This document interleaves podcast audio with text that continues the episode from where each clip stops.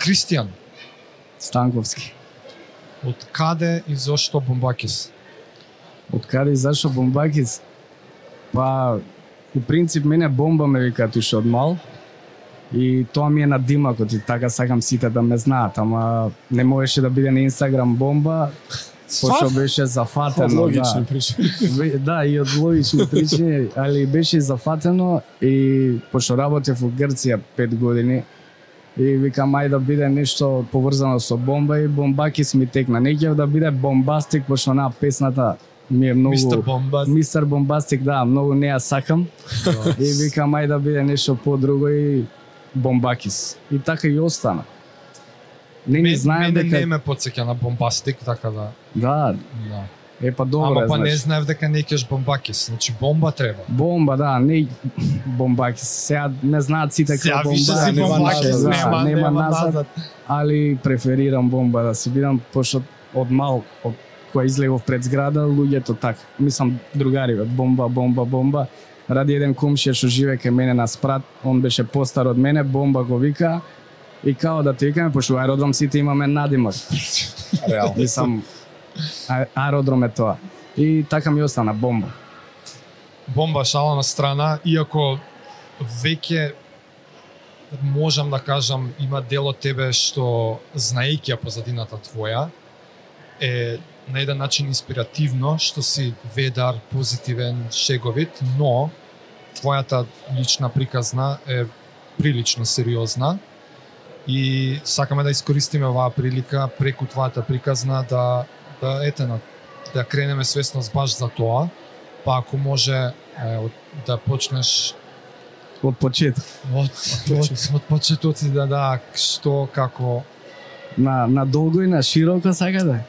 па ти тргни како ти е Тргни, па, најкомодно, па ќе те сечеме ние као прави подкастери. После, да, не, прво сам да ви се заблагодарам што ме викнавте да гостувам. Ова е еден од најреалните подкасти, наједукативните подкасти у Македонија. Фала, фала. И стварно се стварно е у секоја смисла на зборот е подкаст. Еј, фала. Пошто има доста шарлатани. Баш ми значи мене. ова е, баш ми значи. Не, не, не, како да. као тебе, ја ќе те прашам до кај твојата ќе преминеме после, да, кај ти е новата, чекам новата сезона. Ќе ќе ти кажам за тоа, Да. прво да ти кажам за ова.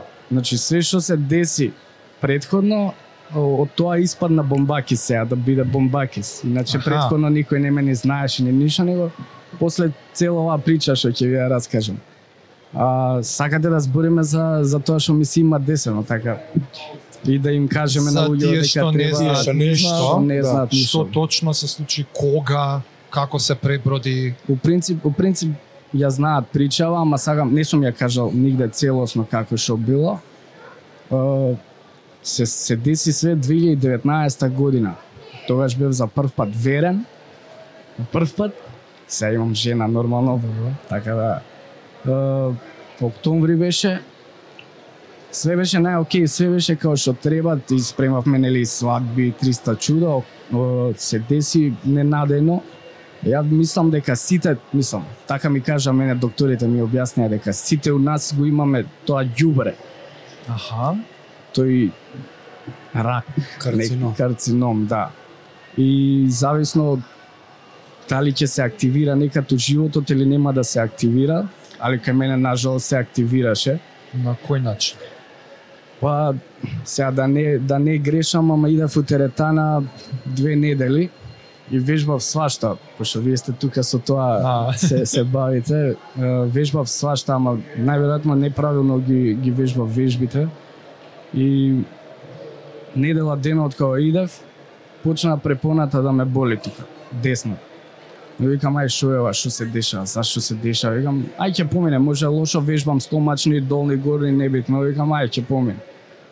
И не поминува недела дена. Викам, шо се дешава, дај да видам, да се, да се фатам, иначе имав, нели, знаете, рак на тестиси. И викам, ај да се фатам да проверам шо е ова, шо некоја тупа болка без везе, глупа болка. И А се- извини, кажуваш препони, а, а, а самите тестиси ги осеќаше некако различно? Не, не, дур не се фатев. Иначе све беше најнормално, да. Све беше Добро. најнормално. Само препоната ме болеше и Си тоа. викаш кила нешто или? Е, па мислев ја дека е кила нешто, имаш кила на тестиси, нели, имаш кила Така. на, на све. И викам, ај нешто такво е. И ти апла by the book само преглед си правиш? Да, ја сам само преглед си правам, да. И се фаќам доле, гледам дека нешто не е уред, дека има некој израсток тука. И викам, одма паника ме фаќа, не знам што да, што да правам. И идам одма на, на уролог. А болка? Болка немаш која Нема? не ништо само ти видам препоната. Тоа е некоја тупа болка, глупа болка некоја без везе. Што мислев дека е од вежбањето. И идев на отидов одма на уролог и ја у живот никад не сум направил операција до тој момент на ништо. Се надевам дека и така и ќе остане да чукнам од дрво. И идам на, на уролог и човекот само сабајле беше ми текна дека у 7 сат и идам и само ме, ме пипа и вика у среда си на операција. Ја идам у понеделник, он ми вика у среда си на операција. Одма знаеш, Да, а? да, одма знаеш. И ја викам, ќе ми кажеш што е како е. Вика, дојди, те запишавме и нели идеш ако си помлад идеш преку ред, пошто тоа се закажува се чека, ама младите имаат предност, затоа што нели на младите останува света. Да, да, да. И ми вика, ја у шок, викам, сега, сега сум вако, дојден тука чисто на преглед и ти ми викаш у среда дека треба операција да правам. Ама одма ти кажа дека е рак? Не ми кажа ништо, само ми човекот? си ќутеше. Само операција? Да, само операција ми кажа. И отидов и нели се пријавуваш, седиш таму, среќи, мислам, среќа. Не е никаква среќа тоа. После ми кажа сестрите дека имало пред мене само што излегло дете од 14 години со таква ствар. Значи тоа на секој може да му се деси. И тоа детето го удриле со топка кај што не треба, нели? И тоа се активирал. Ле. Значи од свашта може, знам и дека ти возиш точак и од тоа многу е, знаеш и ти на Тур де Франс дека сите имаат некој таков проблем. Се трудат да Па и нема, седиштата нели ги прават Да. има, има многу внимание на анатомија мора да се посветува. Дефинитивно да. И ништо се спремив и викам тоа или ча или бу. Пошто не знаеш не знаеш ни, никад не си бил на такво место у тоа време, мислам. Многу што беше знам, извини, хаос. рак на тестис, за да се провери, мора да те отворат, да се извади примерок, имаше таква ситуација ти да чекаш, тоа е не, или тоа е Не, кога не. не се знае дали е. тоа кога не се знае дали е или мислам они одма знаеа што е како Аха. е, пошто ти прават нели испитувања е, беа покачени тие параметрите Аха. за ова, одма знае. Ама тоа беа минимално покачени, мислам, среќа. Среќа. Го, Господ ме чува. И? Пошто бев на две мислења, мислам, со крвта, крвна слика, нели ми праве, и таму и таму беа покачени, и валја докторов више кој која фати, вика, знаеше што треба да се направи.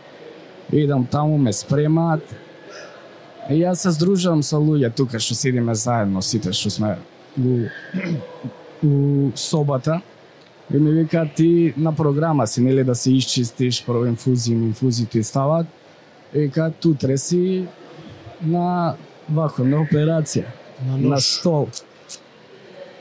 И дојде дојде време нели да да бидам да ме внесат у сала и ми текна една женичка до мене вика абе мене ми е страв. Викам, мене ми е страв, ама треба да бидеш смирен, да бидеш приберен, пошто ако ти се крене притисок нема да може да те оперираат и само ќе ти го одложат тоа и. Е, ја викам, ајде, тоа е, викам, смир, смиреност максимална, викам, влагаме, што е тоа е, тука. И ми текнува, влагам у соба, и доктора, да го поздравам доктор Минев, најбољиот доктор на, на светов, и ме прашува, чисто дур не ми стават анестезија, што е, како е, кога е свадбата, а тоа што требаше да правам свадба у 2020 пристапна година, не се прави свадба, знаете. И ја го јадев исто. Плюс корона удри. И плюс корона, да. И дур ме прашуваше, викам да ми дојдете сите, викам тука што сте на 22 мај на свадба.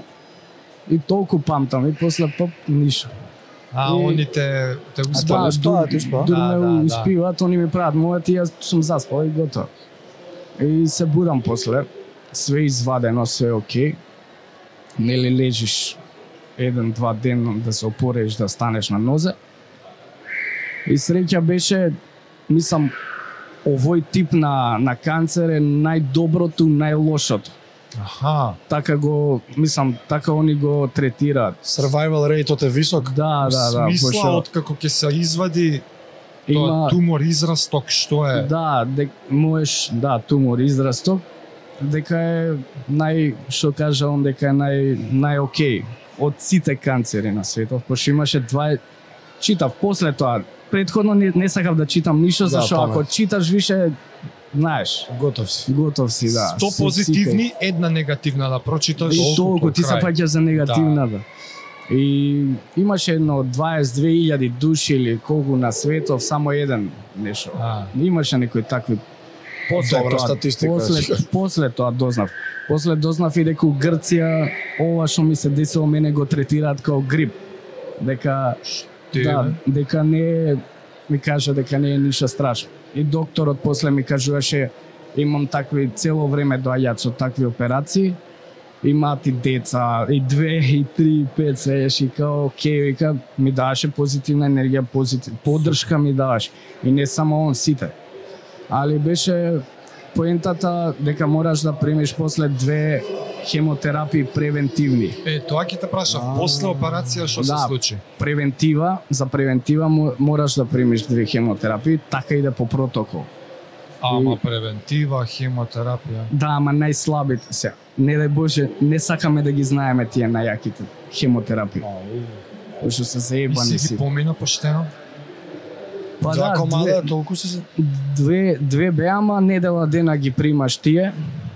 И после месец дена, после 27 дени ја примаш уште едната хемо. И они ти кажуваат дека можно е да ти падне коса, можно е ова, може. Нус појавите ти ги Оние кажуваат. класични, нели, што ги Да. знаеме Ти кои ги имаше? Па ја мислев дека дека сум јаки дека нема да ми падне косата, ама валја се се излажав. Ти падна коса? Да, ми падна, мислам полека паѓаше, али еден ден кога станала га се фаќам за коса и цела коса у, у рака ми. И тоа е неубаво чувство, знаеш. Je за ванца, да. И се гледаш и у огледало и си плачеш. Си Како плачеш, да. Ти си оној што ги гледаш луѓе, но ствари што викаш не дај Боже. Да, не дај Боже нешто да. И многу е, мислам, емотивно е тука, али среќа со поддршка на, на тие што се, што беа околу мене, све беше најокей и после моравме и психо, мислам, не моравме него, јас сакав психолог малце да ми објасни што е како да ми ја среди моце глава, пошто цело време мислиш на умирачки, на глупости, на погреби, на као ќе те закупа, свеш, кој ќе ти даде на глупи работи, ама среќа психологот беше добар и ме освести малце, вика, ајде, имаш ти да живееш, имаш зашто да живееш. Ама и статистики ве знаеш даваат кураж се 1 Да, на 22 е супер Ти, процент. ти даваат ти даваат многу храброст, мислам, позитивна енергија ти даваат максимално за да за да се средиш ти. Не му го посакувам на никој ни на душ, ни на душманите, што се надевам дека ги немам, да поминува низ цела оваа приказна ја што ја поминав. Али па некоја се среќа, у несреќа после станува бомбакис, као после цело сето ова, доаѓа до бомбакис, почнува да расте коса, почнува почнуваме да, да се враќам у форма, мада пиеш све, ти кажуваат што мислам сите ти кажуваат што да пиеш, што да правиш, сеќаш кога више ги прашуваш и ти они ти даваат некои идеи, што пробале, што не пробале, што А, луѓе што поминале низ Да, патот? да, да, да. И што слушнали, и ти мораш се да пробаш за да Да, за бе, да се да? покренеш и имунитет и све. И на крај Колку време трае Леле, периодот? истото ќе прашав. Да, период, па период траеше ја бев на Диагноза, операција, recovery. ноември, ноември ми беше од, откриено тоа на почетокот. Така некој 4-5 ноември. Баш у мовембар. Да, мовембар. И за тоа викам сега. Да, Вау. баш викам, вика- мислам, правам ја кампањи цело време, секој ноември правам. Ќе ви кажам и за тоа имам една прича да ви кажам Ајде. исто. А, по, ми откриваат, нели се оперирам, се оперирам на 4 декември, пречиста Богородица, сега ми е слава, 4 декември и после, мислам, после операцијата, а, јануари и февруари ги примам хемотерапиите и на кај март, април почнавам више да се опоравувам. И удира корона. Е, да. Да, стварно? корона, стварно, да. А март нели 2020? е, и удира корона, да, и тоа фатив три пати, така да. А не се вакцинирав и не ми ни план да се Леле. вакцинирам тоа. Не постои за мене. Видно. Да, али среќа помина и тоа и почна да си расте коса, почна све да си биде како што треба. И еве ден денес седам со вас тука и баш ми е мило што си правиме мовет и баш ми е мило што Тоа тем било скоро. баш ми е мило што луѓето што се освестуваат на некој начин кој ја кажувам мојата приказна и да да се прегледа. Сега ќе ви кажам дека лани имав кампања, мислам секоја година правам за ноем, ноември кампања за, со картони за подигање свест за машкото здравје за само преглед, што и како и ова како и овој ноември. И имаше еден човек, морам да го поздравам, си знае он кој е, вика Бомбаки само ради твојот картон отидов да се проверам на на на доктор, на уролог и ми најдоа тоа што не треба да ми најдат. вау. И човекот е го сега жив, здрав и на време го фати тоа и баш ми е Браво. мило што што е нормален сега и со психа и со све и тераме дале. Сам да кажам дека многу ми е мило што идат што од моите картони им се крева свеста Да. идат сами да си се прегледуваат и со приказната цела. А докториве, дали отпосле ти кажаа нешто? Ствари ми звучи дека а, прилично рано си го открил, У почетна фаза беше почетна да. фаза. Среќа. што значи а, да си правил нешто порано, ќе имало разлика? Да си се само прегледал, да си се чепнал така, да си се фател година Па- дена порано ќе имало нешто?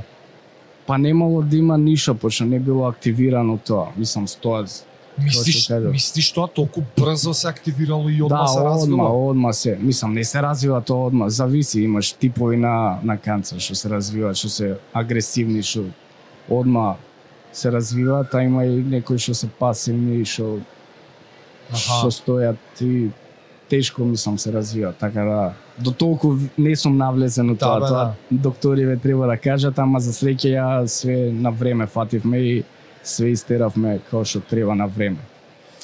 ноември, декември, јануар, февруар, вака на хартија се 4 месеци ништо.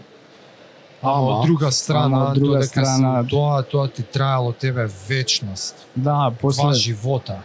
многу беше да, многу беше како како две години да ми помина од животот во тоа. Ама сега од оваа гледна точка кога се навраќаш на тој период, Се ежам. се ежиш, ама Се- го гледаш исто така како еден момент само што се случил поминал или ти остана она убава Не, трага што се вика. убава трага уопште не може да остане убава трага. Длабока мислам, Ама да. да. си остане и, и гледам да не се сеќам на тоа, гледам да го избришам да што помалку се се сеќам на тој период. А сакам да помогнам на луѓе и да им кажам дека стварно треба да се прегледуваат на време за да не дојде А зошто да го заборавиш периодот? Зошто мене Зашо беше многу лош, зашо беше многу травматичен за мене, за моите, за блиските, за за сите, за пошто не знаевме на кај ќе тера, на кај ќе иде, ама среќа све испадна добро Да, на да. крај. Али те мења и као човек и као као карактер, као све те мења, цел целиот е, па во тој тоа да, контекст. мајндсет Во тој контекст не се сомневам дека било незамисливо травматично и за тебе и за сите околу тебе, ама од друга страна те има и сменето и најверојатно црпиш и одредена снага од од тоа сега. Ојачано, и да. многу психата ја има ојачан. Така, значи, многу- црпиш и многу позитивност од, Од таа добиена случка и битката. за во таа смисла ја поише мислев може би не треба толку активно да се трудиш да го заборавиш, туку оној рефрейм да му направиш и ете тоа се случи, ама Го заради победиш. тоа сега сум Сега сум посилен. Да, тоа да. и бар кога се присеќаваш на тоа, Са ја не можам нормално Знаеш што не вика, сум тоа у нешто не може да кажувам. те, да те убиете прави посилен, да. И па да, Тоа е тоа е точно, тоа е повеќе од точно затоа што стварно кој што кажа психата ти ја јача максимално и ти не се нервираш сега ако идеш у у собраќај или некој еве ти на пример да ме опцуеш или нешто да ми кажеш, ја да се изнервирам и да се Ти си рамна не се замарам, се еш уопште не се замарам, си терам. Значи има полоши работи за кои што знам, што сум ги поминал, за кои сум се замарал и ситници не ме замараат сега. Жена ми ќе ми каже нешто сега, иди ова, иди исчисти, иди по и ја не се замарам зашто знам дека ќе го завршам тоа сега. А предходно сум бил така импулсивен и импулсивен и сум, знаеш, сум се карал за секои ситници. Ама сега ми е скроз сменето и ми е лабаво и не, ме, не ми е гајле дали некој ќе каже ова за мене или она ќе каже за мене скроз што сакаат нека кажува. Која е постапката сега откако заврши операција хемо во наредниот период одиш на прегледи, има некој И, да, сега баш на 7 декември сум на, на преглед, на контрола. Контроли да, правиш? си имаме контроли. Првите, Колку се редовни? првите неколку, првите, првата година беше на 3 месеци, сега сум на 6 Од месеци. што се состои контролата? Тумор маркери проверуваме. Крвна слика, значи? крвна слика да обавезно и од време на време на секој 6 месеци имаме имаме ехо, имаме компјутер. На година дена компјутер, на 6 месеци ехо и крвна слика цело време, мислам, Јасно. Тие се.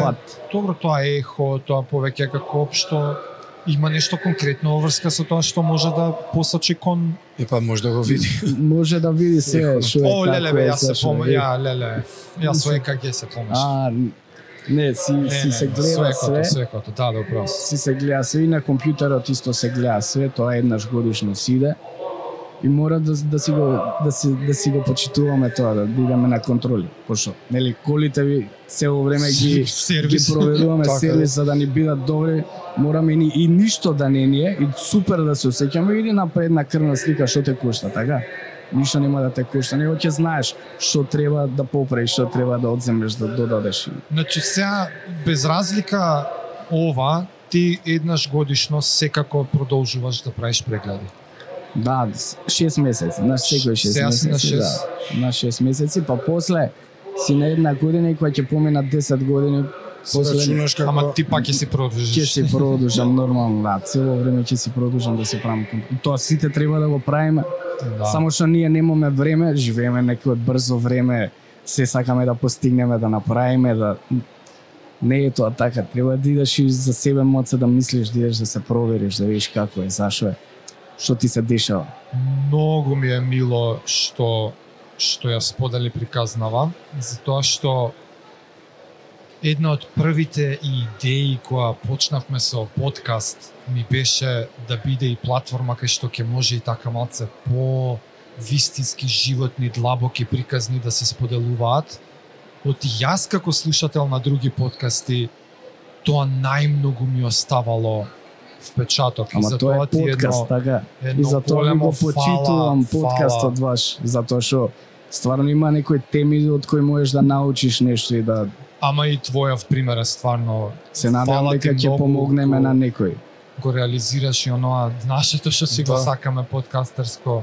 Мило ми е што дадов се од себе да ви помогнам Не, тука не, и, фала ти и на вас и на другите што ќе не гледа. Кога сме кај подкастите, Да, ти кога си ја направи твојата сезона, колку 20 епизоди? 20 епизоди, да. Плански направи пауза, така?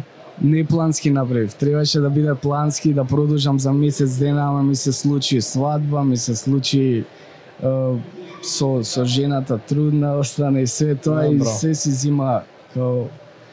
Пролонгирање тоа да време и цело време. Ајде обавези други трети и никако да стигнам опрема ова што имате вие.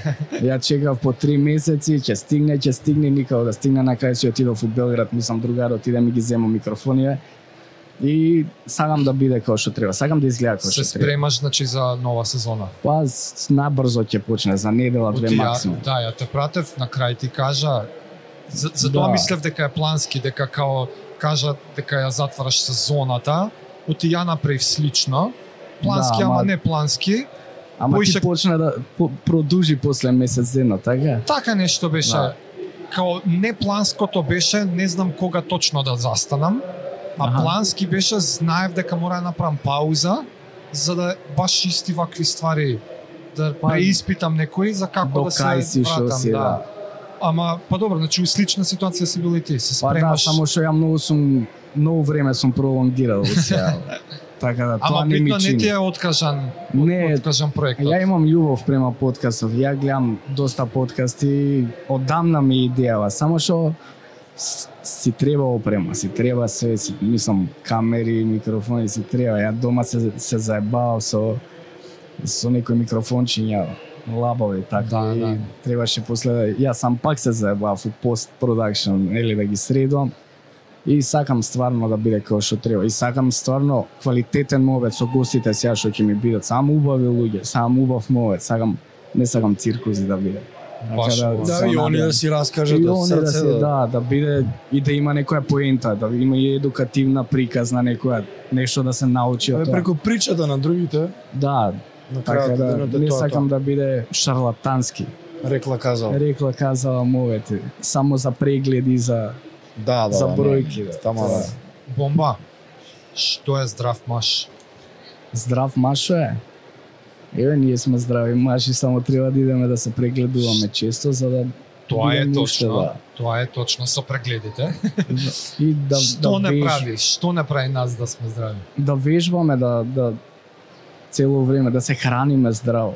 Колку можеме сега, не знам ја како иде тоа кај нас со тие хем, хемиите све, што ги ставаат нели по зеленчук, по, А. по овошје, по све.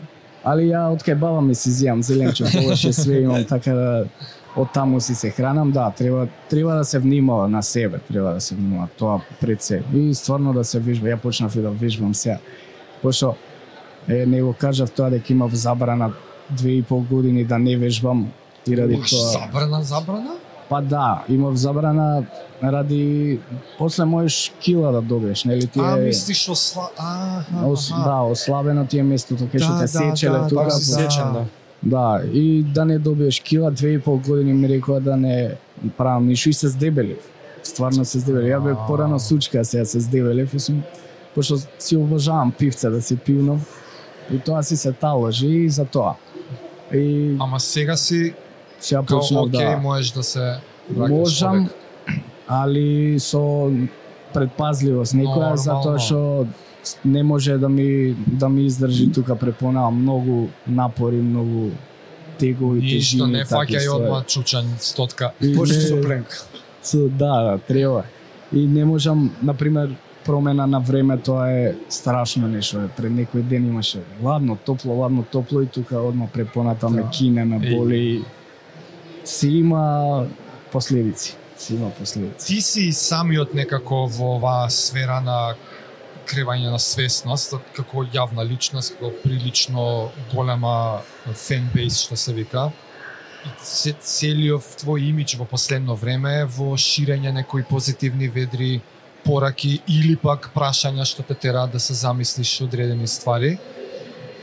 Има ли нешто конкретно што сакаш да искористиш оваа прилика на тема Мовембар, на тема само преглед, на тема кревање свесност, зашто би сакал Гле, у принцип, да кренеш? така, така почна е, профилот на Бомбаки со кривање на свеста да, да не ги правиме тие работи што ги правиме лоши у, у обштество, општо у обштество. И гледам дека доста луѓе се освестуваат, али да, сам да кажам, нели за тоа и сме тука, дека као беше пуштам брк, бркам здравје и прв брк до Да, прв да. само преглед. Сам да кажам дека мораме да се прегледуваме на време и да сме здрави и да си идеме цело време крвна слика барем да си направиме. Па, Да, тоа морам да го кажам, а за другото ќе ни дојде памет. Се надевам дека ќе ни дојде памет. Баш убаво, ќе ни дое памет. Бар тоа замисли се. Кога Нек ти тогаш? дое памет. А кога тогаш ќе ни дојде? Ќе се освестиме. Со тек на време се освестуваме. Кристијан Бумбакис, фала ти многу стварно уште еднаш. А, тоа пакетче е за тебе.